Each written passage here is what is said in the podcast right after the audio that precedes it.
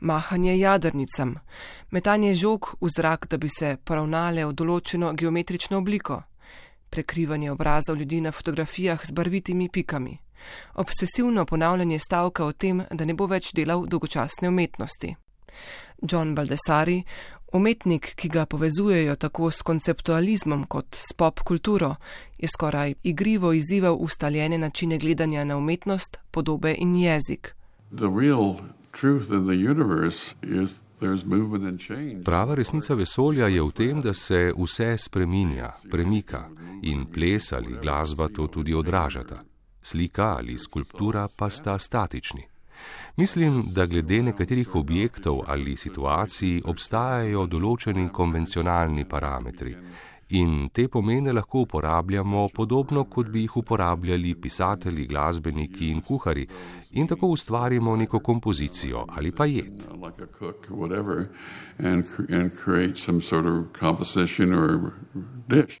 Tako je sam razmišljal o umetnosti ob svoji veliki retrospektivni razstavi Pure Beauty, čista lepota, ki jo je pripravila londonska galerija Tate Modern. Najbolj znan je po pionirski uporabi najdene fotografije in apropriiranih podob. Ustvarjal je v številnih medijih in pogosto prepletal slikarstvo, fotografijo in tekst. V 60-ih je začel poudarjati idejo umetniškega dela, v 70-ih se je dalje spraševal o omejitvah in konvencijah umetnosti. Poznaje pa se je tesno naslanjal na filmske podobe. Kot je dejal sam, ga je zanimalo, kaj nas pripravi do tega, da se ustavimo in zares pogledamo. Zanimala so ga tudi vprašanja jezika, igre in izbire. V tokratni vdaji bomo osvetlili nekaj vedikov njegovega dela.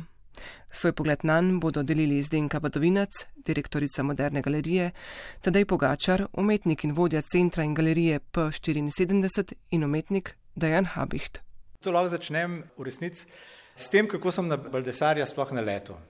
Leta 1999 sva s Tanjo bila tri mesece v New Yorku in v Museum Shopu, mislim, da je bil od Mome ali je bil pa od New Museum muzeja, ne, sem na letu na zelo hecne suvenirje. Eno je bilo uho, ki je kot ščipalka in eno je bil nos, ki je šilček. Ne. In seveda, ne, zadeva se mi je zdela tako duhovita, da sem jo takoj kupil, to je bilo ne vem, po en dolar ali nekaj tasga. Ne. In sem šele kasneje izvedel, da v bistvu gre za neko uporabo v resnici Baldesarjevih skulptur. Ne. In ko sem postal pozoren na Baldesarja, no vse zadnje, jaz sem v art štartov iz fotografije. In tisti prvi udarc, ki me je zadev, je bila njegova serija Wrong. Eh, to je tam iz druge polovice 60-ih. Zaradi tega, ker verjetno, prepričan sem, da na vseh šolah, fotografskih šolah, teh likovnih šolah, ne, tam, kjer te učijo abecede, kompozicije, v bistvu, v bistvu abecede jezika, likovnega jezika, ne, te najprej začnejo prebarirati s tem, kaj je vse narobe. Ne ali je subjekt premehen, ali je subjekt prevelik, ali mu rase, recimo na fotografiji, ali mu rase, vem, drevo iz glave ali kaj podobnega. Ne? In jasno, ne, na šoli za oblikovanje smo prav imeli program, kjer smo načrtno morali narediti serijo takih fotografij in za vsako utemeljiti, zakaj je narobe. In seveda, ne, ko se enkrat uh, privadiš teh obrtnih spretnosti, ne, potem pozabiš, da mogoče napake povzročijo premik.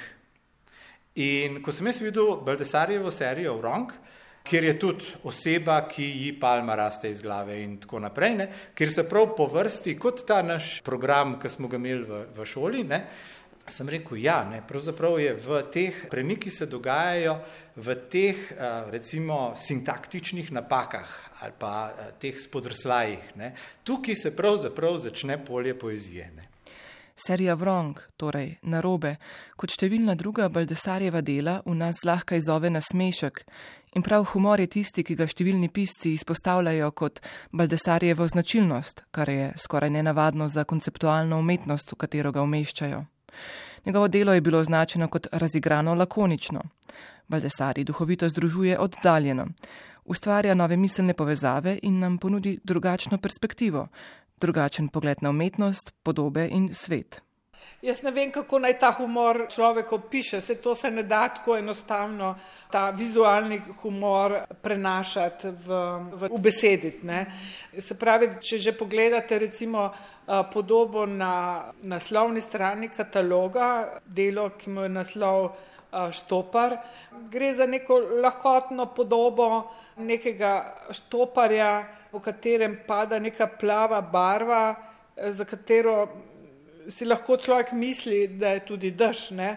da je premočen, vendar pa ta podoba ne odraža nekega tega štoparskega napora, prav nasprotno, ne?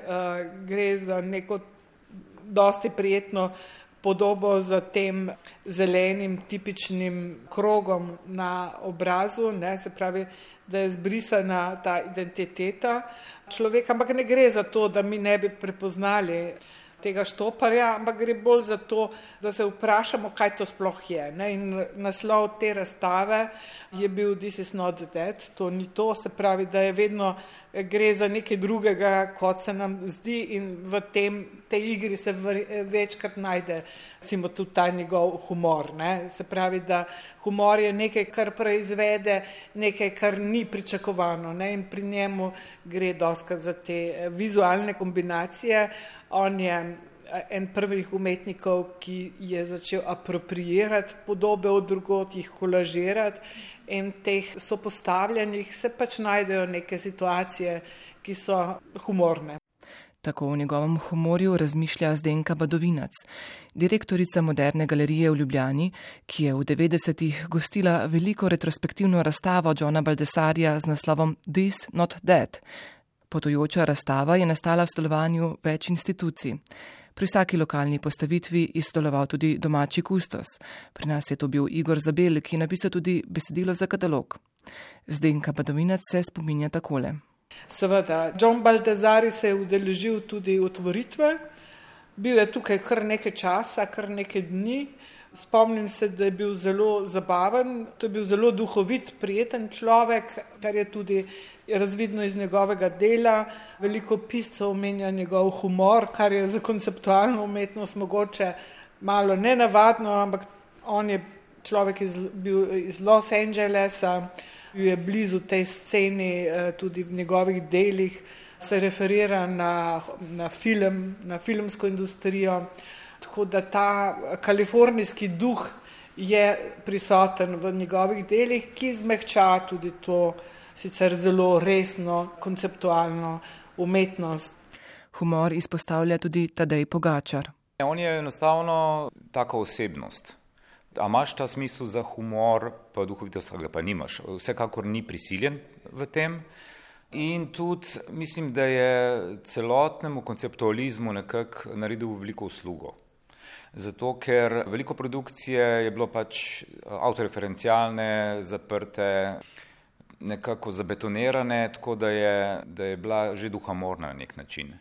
John Baldessari je pa uspel neke teme, neke topike pogledati čisto na en drug način. Poleg tega je pa še zanimivo to, da v celotnem njegovem opusu vedno mer najdemo nek dialog s prejšnjimi avtorji, umetniki, stili, temami. Ali gre za klasične avtorje, tam nazaj do Goje ali pa potem tudi umetnike modernizma ali pa tudi novejše.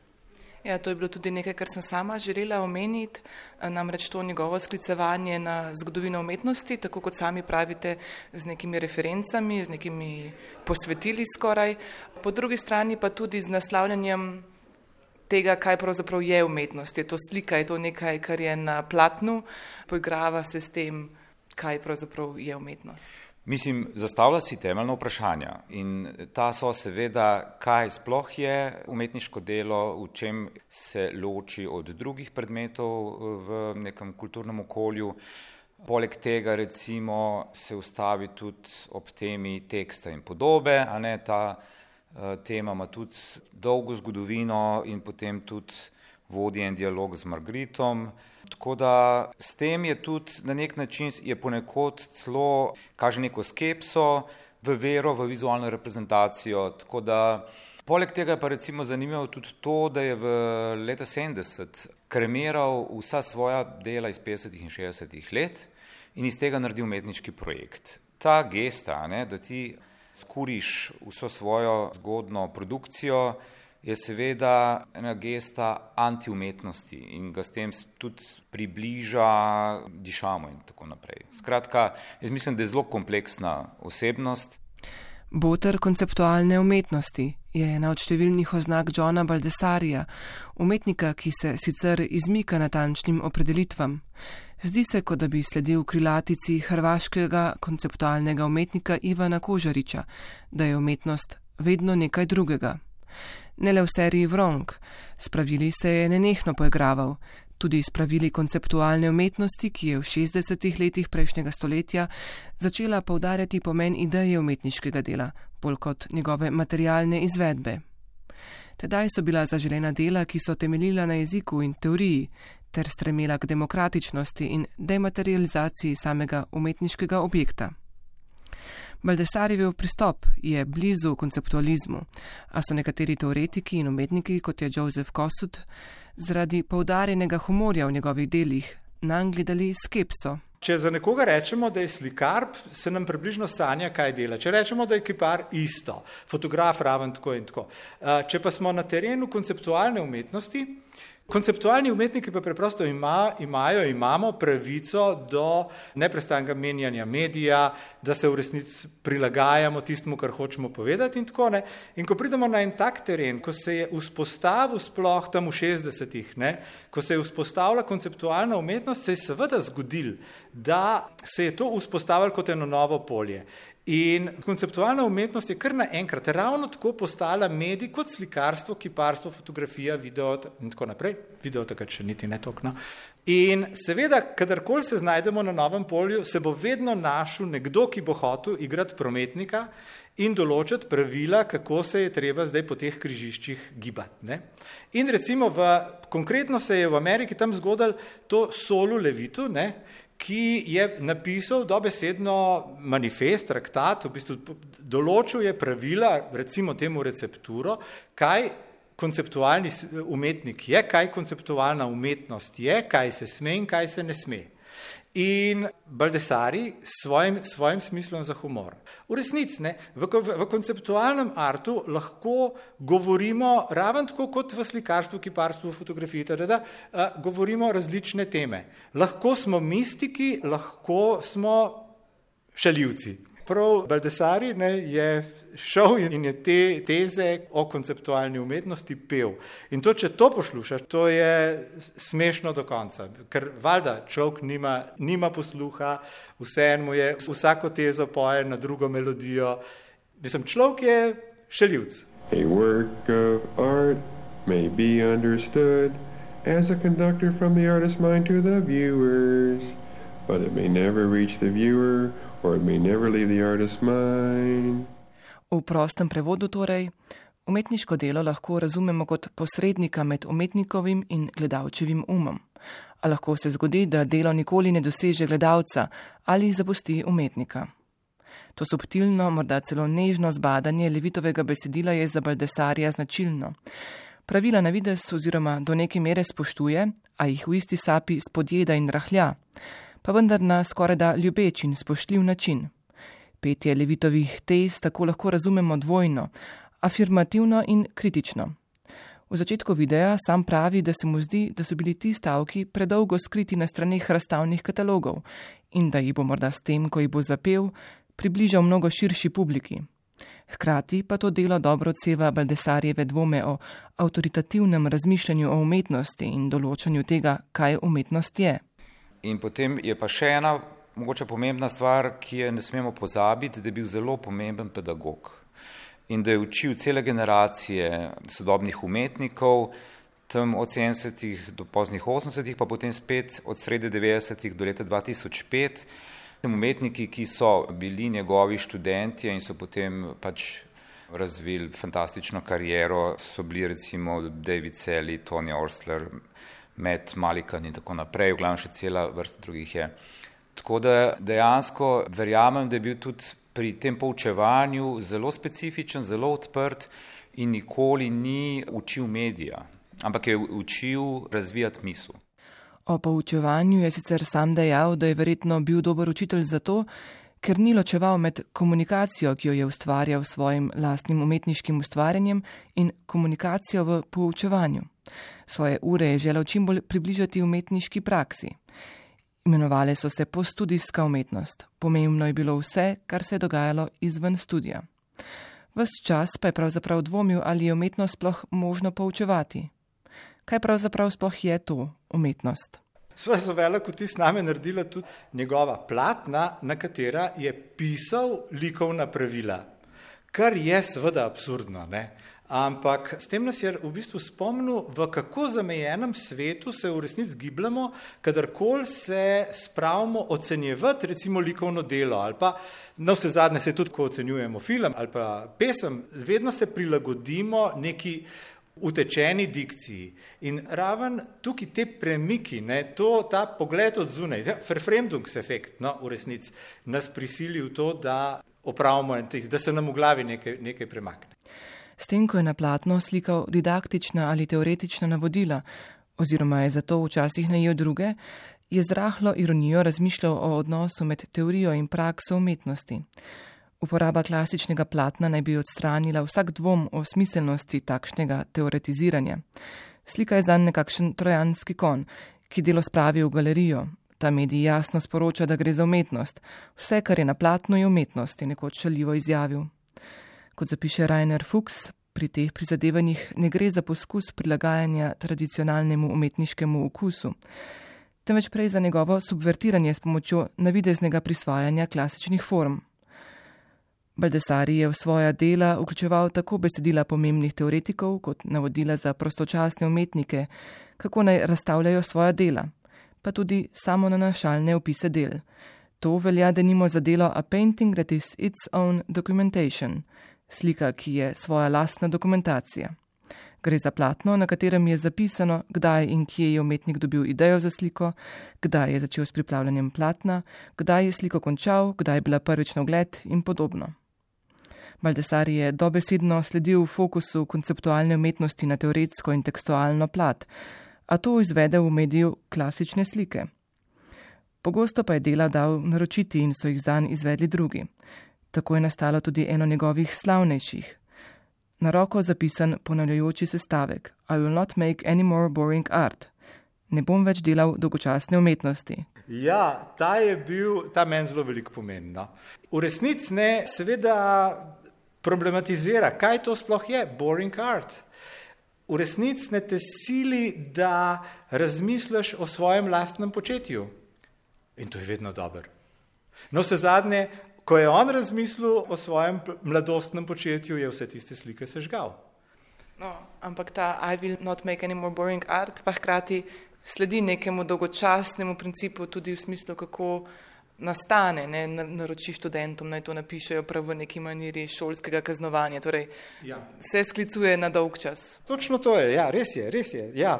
Prav sklicuje se na dolg čas in pa na to, na samo to šolsko rutino, ta drill, ker v resnici ne, Baldessar je bil pač povabljen, da sodeluje na razstavi, študenti niso imeli sredstva, da bi ga sploh prpelalke in je samo rekel na steno napište I will not make any more boring art. In on ni mislil, da to napišejo stokrat. Oni sami so to, so to predelali in so vse stene popisali s tem. Ne. Mislim, ta praksa je bila sicer nekako znana in normalna v času konceptualizma zgodnega, skratka, da se umetnik načrtno umakne iz dela in ni zvezda to, kar je dan danes. Ta primer, ne, ko je, kako bi rekel, neko, nek minus obrnil v plus, ni mogel pač na licu mesta dela proizvesti, in se odločil, da da samo navodilo študentom. Ne? Tako da absolutno zelo kreativno reševanje in tudi poleg tega je nastalo eno od njegovih bolj znanih del na ta način. Velja pa tudi za enega prvih umetnikov, ki so apropriirali obstoječe podobe. Tako je svoj pogled na recikliranje podob v intervjuju s portalom Art21 predstavil sam. Uh, Veliko tega sem videl v Indiji. Ljudje tam vse reciklirajo in naredijo nekaj novega. Recikliranje je pogosto tudi v ljudski umetnosti. Moja prva lekcija pa je bil Šviters. On je vse povsod pobiral stvari, jaz pa od vse povsod pobiram fotografije. Tadej Pogačar pa je o Baldesarjevem apropriiranju podob povedal. In poleg tega je tudi razbremenil samo podobo ekskluzivnega avtorstva. On je konc koncev njegova filozofija bila pač ta, da podobe potujejo in eh, podobe različni avtori ponovno uporabljajo. In je nekako zagovarjal to prosto rabo, ne, bi rekel, copyleft tega podobotvorja in zato je tudi, naprimer, v številnih njegovih delih so pač te stilsi iz uh, ameriške kinematografije in tako naprej. In tako naprej. Film je v Baldesarjevem opusu prisoten tako posredno kot neposredno. Uporabljal in kolažiral je podobe iz filmov, tudi sicer pa je o sopostavljanju podob razmišljal kot o montaži. Pri tem mu je bil blizu pogled režiserja Sergeja Eisensteina, ki je montažo razumel kot sopostavljanje nasprotnega, kot konflikt dveh fragmentov. Ta učinek konflikta fragmentov je pri grajenju zaporedja svojih slik uporabljal tudi Baldesari. Recimo tudi pri, pri študiju, pri eh, študentje, ko jih je nagovarjal, jih je upozarjal na to, da ne gre za en predmet, ne, ampak da gre za prostor med predmeti. To pomeni vsekakor ga je zanimal odnos med, med nekimi elementi in ta odnos je izključen, ki nam nek pomen v bistvu prinese. Baldessari pogosto združuje podobe zato, da zaplete njihov pomen in nas zmede. Podobno kot to velja za nadrealistični kolaž, je tudi njemu blizu trg dveh različnih svetov. V vsakem izmed teh trkov pa naj bi predvidel že tudi druge možne trke. Vedno je razmišljal o delih, ki bi lahko sledila. Niso ga zanimale le odločitve, ki jih sprejmemo, temveč vse možnosti, ki jih v procesu izbire zavrnemo. Medtem, ko se nekaj dogaja tu, se drugje dogaja nekaj drugega, je rekel. In če se vrnemo k filmu. Na film se je nanašal tudi neposredno, z apropriiranjem filmskih prizorov. Kot zapiše Leslie Jones, se je Baldessari zanimal za Freuda, hollywoodske filme pa lahko v tem kontekstu razumemo kot obliko sanskih podob in kot sklicevanje na naše kolektivno nezavedno. Kot je dejal umetnik Lawrence Weiner, Baldessari razume, da američani na vsako neznano situacijo gledajo v odnosu do filmov, ki so jih videli. Baldessarjeva dela v nevezavi na filmsko je v besedilu za katalog This Not That dobro analiziral Igor Zabel. S tem, ko so posnetki izuzeti iz filma, pravi, so izgubili svoj kontekst in svojo razlago. Pa vendar poudarjeno napeljujejo na dejanje, čustvo, gibanje. Pri filmski naraciji gre za sistem znakov, in ko ti znaki izgubijo svoj naravni kontekst, postanejo prazni znaki in zato se zapolnijo skrivnostnostjo. V njih lahko razbiramo napetost, vemo, da se je nekaj pravkar zgodilo in da se nekaj tudi bo, ne vemo pa, kaj je to. Posnetek iz filma je skratka ureditev močno evokativnih znakov brez kakšne določene reference.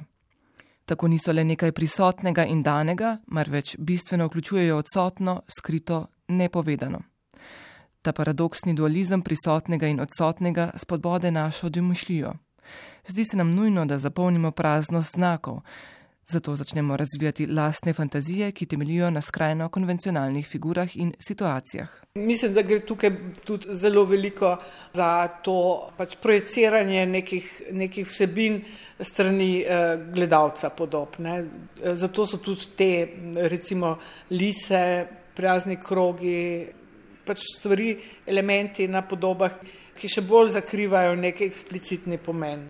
Definitivno, on ne predava, ni pridigar, dela so gledalcu nekako dana, da jih nekako skreira oziroma podoživi in uh, odprta.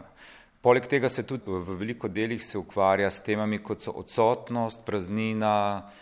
Ja, na nek način, kljub temu, da so, da je veliko del zelo barvitih, zelo velikih, pompoznih, popartističnih, bi rekel v narekovaju, je vsem po nekem, nekem duhu tudi blizu evropskemu načinu gledanja. Njegove prepoznavne barvite pike, ki jih je lepil in slikal na glave upodobljenih ljudi, lahko povežemo s preusmerjanjem pozornosti iz posamičnega in individualnega na splošno in strukturno. Moški pred stavbo, da nima postanejo simbol poslovnežev. Opazimo geste, drže ali zakonitosti filmske reprezentacije. Baldessari pa se seveda ni omejeval na en medij. 60. so prinesla splošno interdisciplinarno odprtost in križanje medijev. Rainer Fuchs citira teoretika Marshalla McLuhana. Hibridno srečanje dveh medijev je trenutek resnice in odkritja, ki tvori novo obliko. To je trenutek svobode, ki nas premakne iz običajnega. Baldesarjevo povezovanje medijev po Fuchsovem mnenju vodi k izstopu iz hermetične samorefleksije posamečnega medija, kot se je razvila modernizmu. Meni se zdi izjemno pomembno v bistvu v, na terenu, na katerem deluješ, iskati vzore na drugih terenih. In prav v resnici s tem iskanjem, ja, tudi to, da je rekel, da najpomembnejši umetnik 60-ih je Jean-Luc Godard, ne, je v resnici opravil en tak krucijalen premik. Značilnost modernistov no, je bila, da so vedno razčiščevali ali s svojimi gestami ali pa gestami svojih predhodnikov ali pa kolegov ali pa kaj tasga. Medtem ko če ti sežeš v svojem delu v literaturo, v, v film, poezijo, potem imaš šanso priti na nek drug teren, no, povedati tudi nekaj drugega. No kot se neprestano zaplezavati o tem, a gre črta v levo, kaj je z robom, kaj je s haptičnostjo in podobno. Meni osebno je bil blizu, eh, blizu mi je bil potem pač po pristopu do likovne materije, potem kako je tudi uporabljal tehnike in medije brez kakšnih posebnih blokad. On je na nek nov način odprl odnos med sliko, fotografijo, eh, kolažem, eh, videom. Odajo končajmo z opisom enega izmed Baldesarjevih del, ki morda dobro ponazarja njegov odnos do umetnosti. Dve so postavljeni fotografiji, prikazujeta top in ošiljen svinčnik. Besedilo pod fotografijama pa se v prevodu glasi približno tako. Dolgo časa sem v avtu na armaturni plošči imel star svinčnik. Vsakič, ko sem ga videl, sem se počutil nelagodno, saj je bil tako top in umazan. Vedno znova sem ga nameraval ošiliti. Nekoč nisem več prenesel in sem ga zares ošilil. Nisem prepričan, ampak zdi se mi, da ima to nekaj upraviti z umetnostjo.